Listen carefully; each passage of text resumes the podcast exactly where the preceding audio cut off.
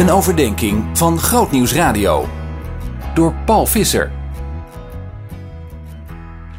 We lezen uit het boek Prediker. En het zevende hoofdstuk bevat een aantal spreuken, levenswijsheden. Vanochtend gaat het over wijsheid en bezit. En hoe die twee zich tot elkaar verhouden. En ik wil het in twee overdenkingen doen. Ik lees de versen 11 en 12. Bezit kan beter samengaan met wijsheid. Dat is nuttiger onder de zon.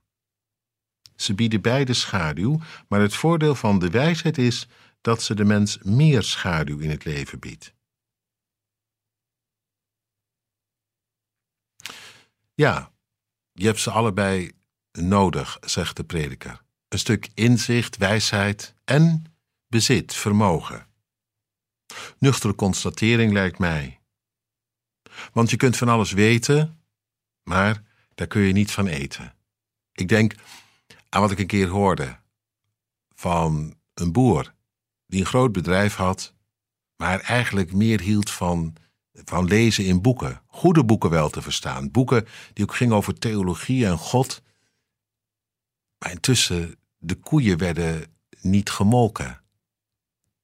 En uh, het bedrijf, dat werd verslonst. Dat kon natuurlijk niet. Andersom heb ik het ook gezien. Iemand die heel druk was met de inrichting van haar huis. Altijd maar in de weer. Dat het er picobello uitzag en vooral natuurlijk uh, modern. En naar de smaak van uh, dat moment. Aan lezen kwam ze nooit toe. Hield ze niet van. Zelfs niet een stukje uit de Bijbel. Sorry. Daar had ze te druk voor. Nou ja, dan kan het er allemaal mooi uitzien. Maar uh, het wordt wel armoe, vind je niet?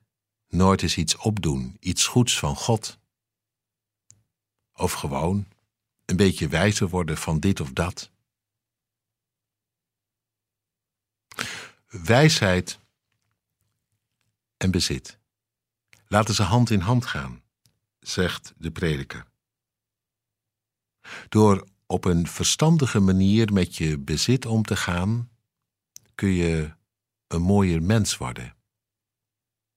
En trouwens, als je wat vermogen hebt, geeft jou dat de ruimte om ook gewoon op bepaalde momenten wat wijzer te worden van dit of dat. Want dan heb je over dat bezit in ieder geval geen zorg. Toen ik het las, moest ik onwillekeurig ook even denken aan Maria en Martha. Twee vrouwen uit de Bijbel die, denk ik wel, bekend zijn. Jezus die kwam nog alles over de vloer.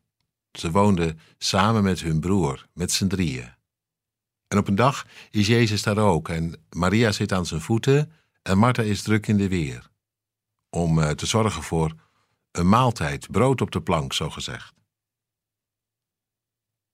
Het irriteert die Martha op den duur, dat haar zus daar maar zit te zitten en zit te luisteren. En ze zegt, meester, zeg er eens wat van, dat ze ook haar handen uit de mouwen steekt. En Jezus? Nee, hij speelt die twee niet tegen elkaar uit. Hij zegt niet, waar jij mee bezig bent, dat is uh, helemaal niks. Hij zegt het anders. Op zo'n manier dat het oké is om te zorgen voor brood op de plank. Maar tegelijk laat hij weten wat de prediker ook zegt: de wijsheid is meer dan bezit. Zeker als het gaat om wijsheid van God. Dat reikt net iets verder dan een goede maaltijd. Want, zegt hij, Martha, jij bent druk met veel dingen. En uh, die moeten ook. Daar zeg ik geen verkeerd woord van. Maar Maria heeft het beste deel uitgekozen, dat van haar niet zal worden weggenomen. Alles wat je opdoet van God, gaat mee een leven lang, zelfs over de dood heen, de eeuwigheid in, rijk geworden in Hem. Dat andere, dat van jou bezit en van dat brood op de plank, dat blijft toch achter. Dus ja, uh, prioriteiten stellen in dit verband is slim.